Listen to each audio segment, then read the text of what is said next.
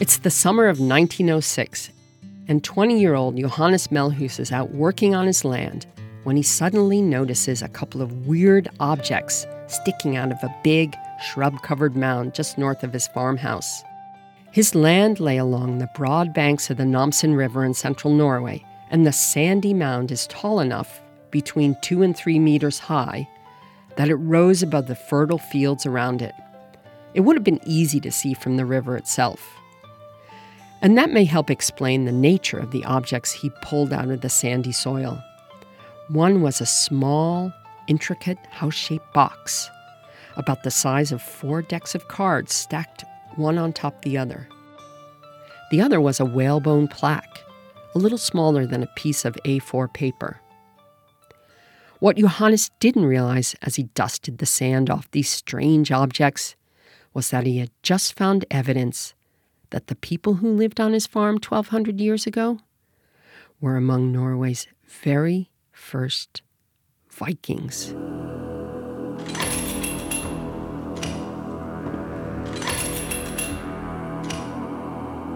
The mound, it turned out, was a kind of time capsule. And the time it came from was the Viking Age.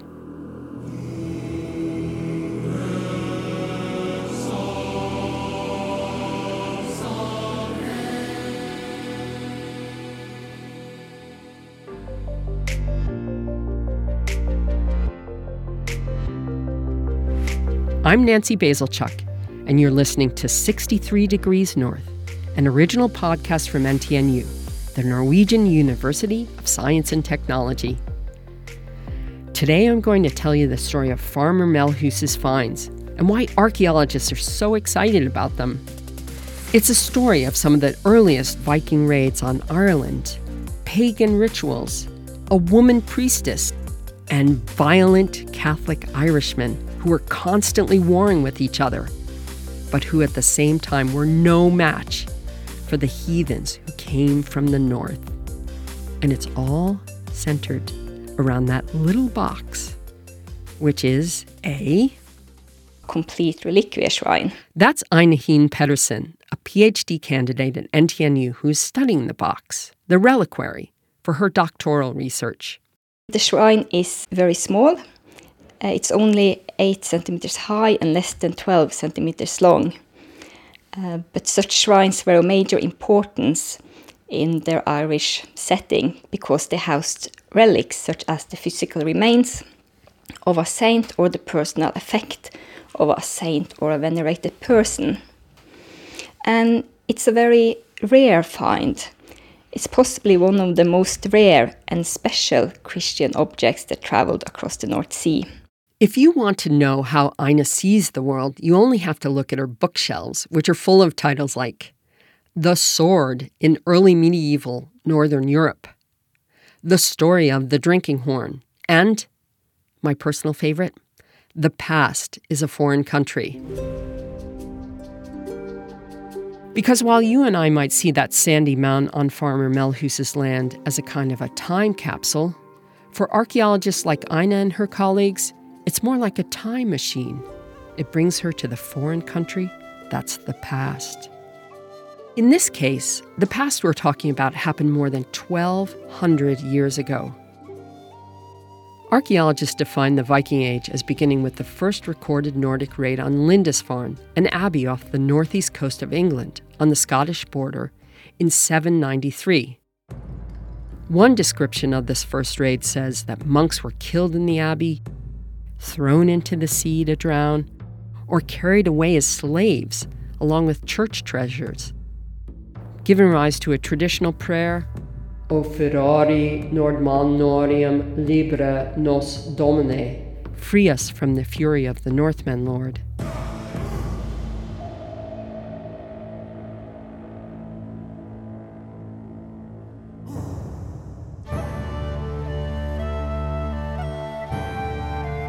To our sandy mound.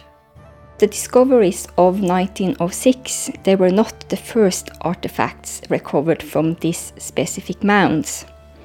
A few years earlier, two young boys had found several items while playing. which included a spearhead, shares, a bronze mount, a large collection of beads, and several other objects.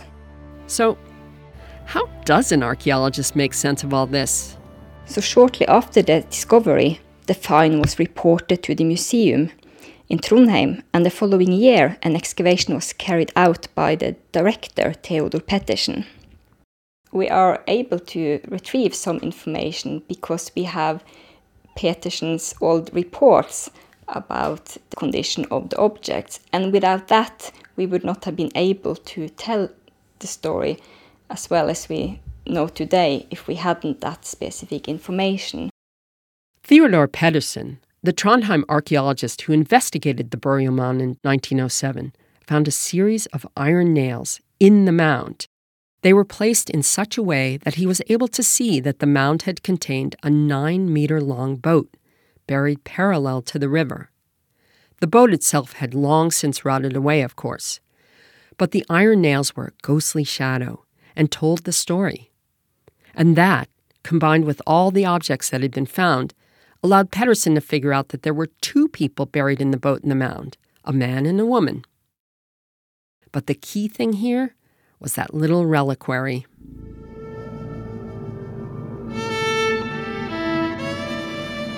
This object is important because it was kept intact and we can identify it very clearly as what it is, what it was.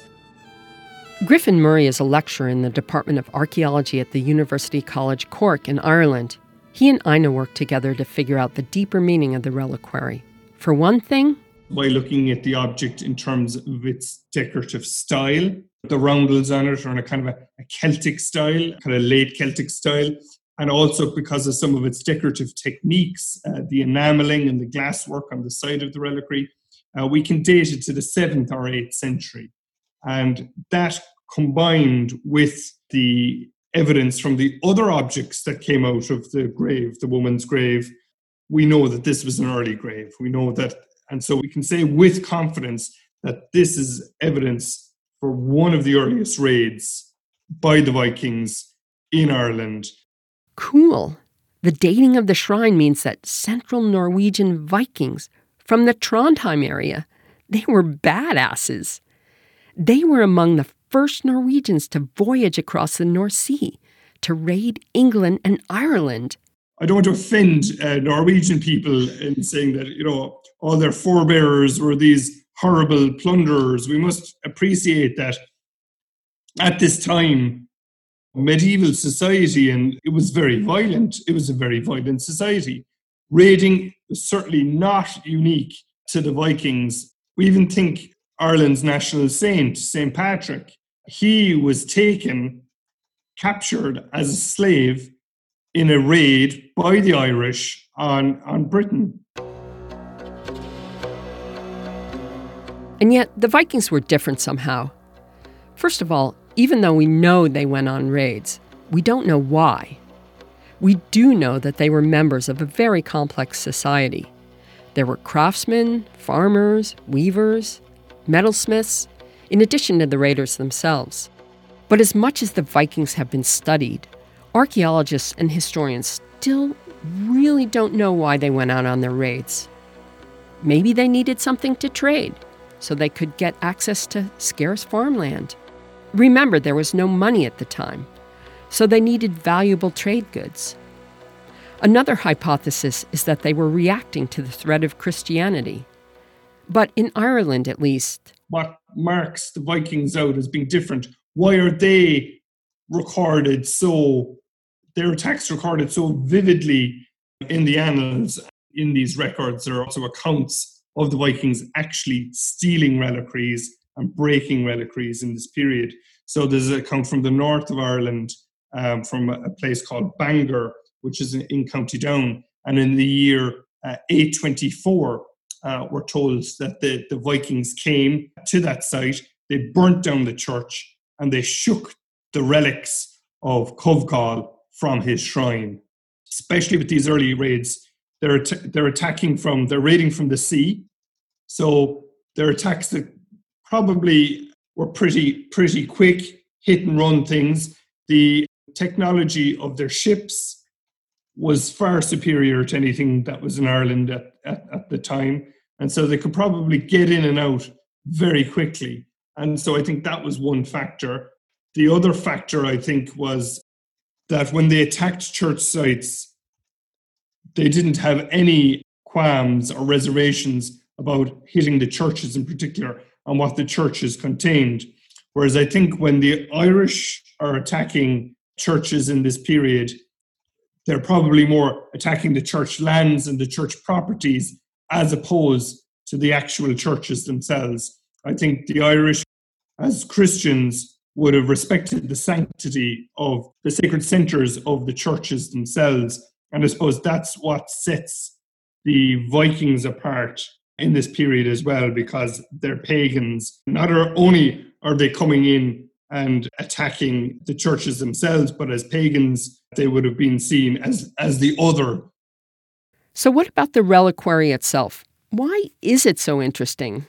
What's really important about our object here is it is undeniably an item of church metalwork because not only can we identify it, but it is not unique, but it is rare in being an object that wasn't actually broken up by the Vikings because what they tended to do with this Irish metalwork is they tended to chop it up and they reused parts of the ornaments as brooches or they used little mounts to decorate little lead weights that they used in, in trading.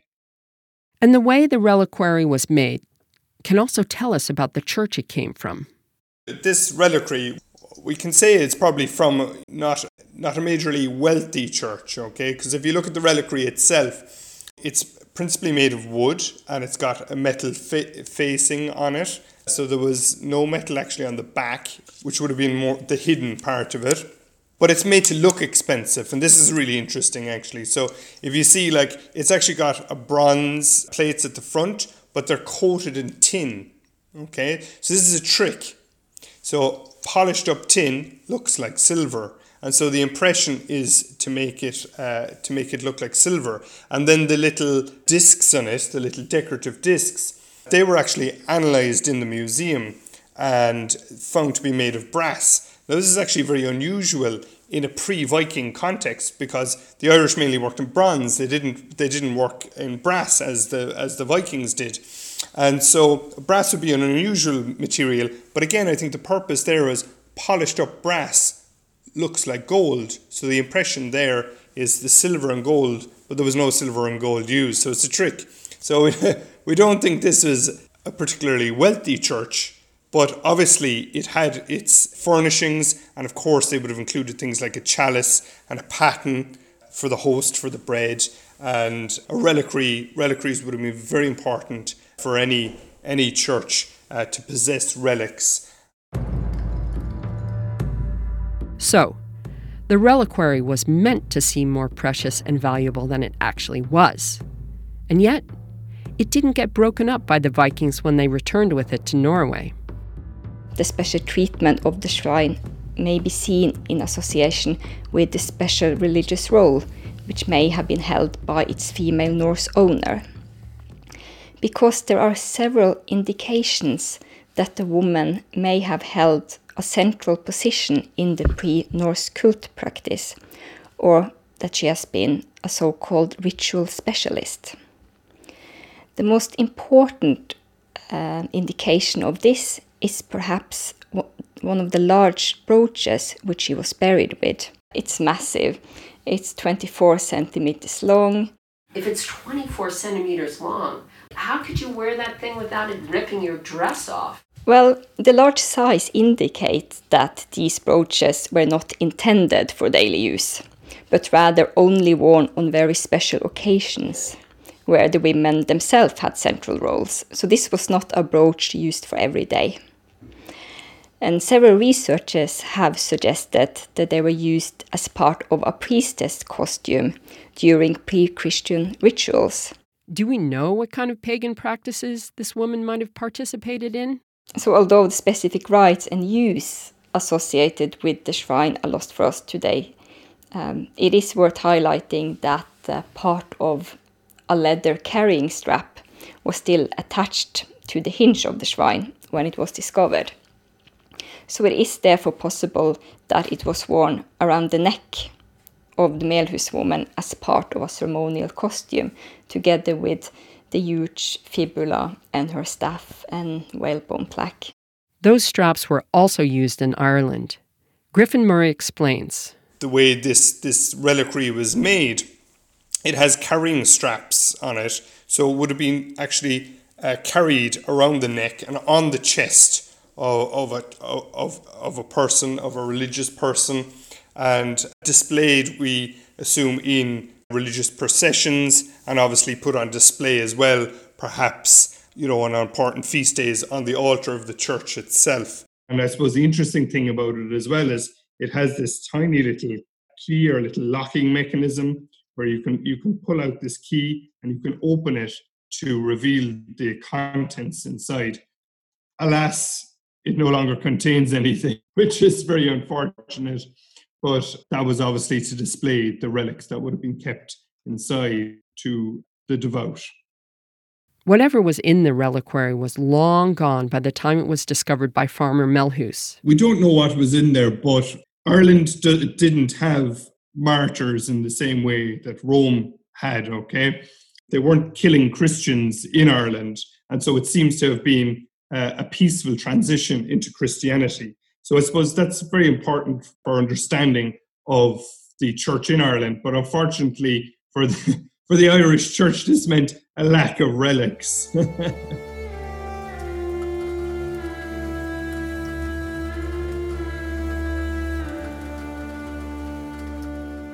What's surprising for me is how much information archaeologists are able to extract from some artifacts found buried in a mound of sand. What I never realized before is that archaeologists really rely on how different objects are placed in graves. The idea is that if someone went to the trouble of burying valuable objects, they probably weren't just tossed in as an afterthought. Here's where Theodor Petersen did an amazing job when he excavated that burial mound in 1907.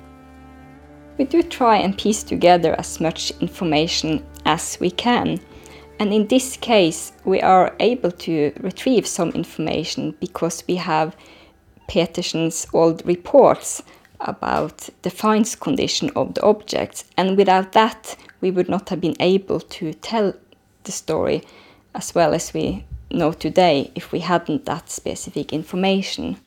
He made sure that the finds information from the farmer was recorded and included so that we knew uh, which objects were found together, where the man and the woman was buried in the grave, so that yeah, we know that the Melhus shrine probably belonged to the woman rather than the man, and that is significant in our setting, because um, because without that information you can't say too much about the find itself. It, if we just had found the shrine on its own, we wouldn't be able to understand much of its role in Norse society. Of course, in this case, the significance of the shrine must be seen in connection with its owner, its new owner. And it also need, means that we need to think differently about the use and meaning of the reliquary after it arrived in Norway. It was more than just a nice object or booty uh, more than just a nice present given to the wife of a returned Norse warrior. The Melhus reliquary gives us a different picture of the role of Viking women in preparing for raids. And as a woman, I'm all for that. But how do we know that all of these grave goods came from raids? Maybe there was a softer, gentler kind of Viking out there too. Since the since the kind of 1970s, there's been a move away to to interpret this material as coming from Viking raids, and other suggestions have been put forward, but nothing really as convincing as you know. We have historic loads of historical accounts of these Viking raids where they're uh, breaking shrines, stealing shrines, and then we have this material turning up in in Norway in in Norse graves. So really, there isn't an alternative in, interpretation it's different for some of the other metalwork that we have coming out of the graves, where it's more identi- identifiable as, as secular metalwork. And you know, there's various ways in that in how that could be acquired. It could be acquired through raiding. It could be acquired through through trade or exchange, uh, gifts. Who knows? There are other interpretations there. But in the case of church metalwork, this isn't something that was was on the open market. You know, these items were made specifically for churches. There weren't shops selling this kind of material. You know. But lest you think that Vikings were all bad for Ireland, I'll let Griffin Murray leave you with one last thought. There were no towns in Ireland in this period.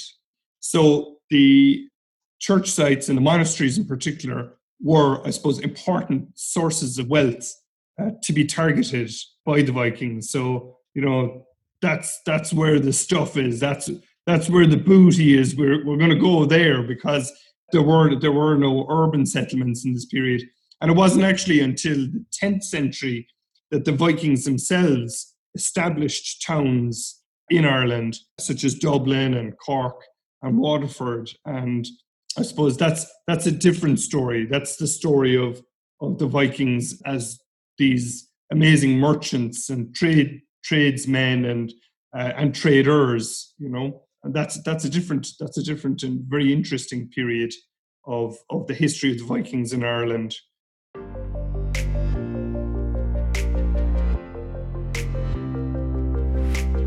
If you want to see the little reliquary that gave us this fascinating window on the past, you can visit it at the NTNU University Museum in Trondheim.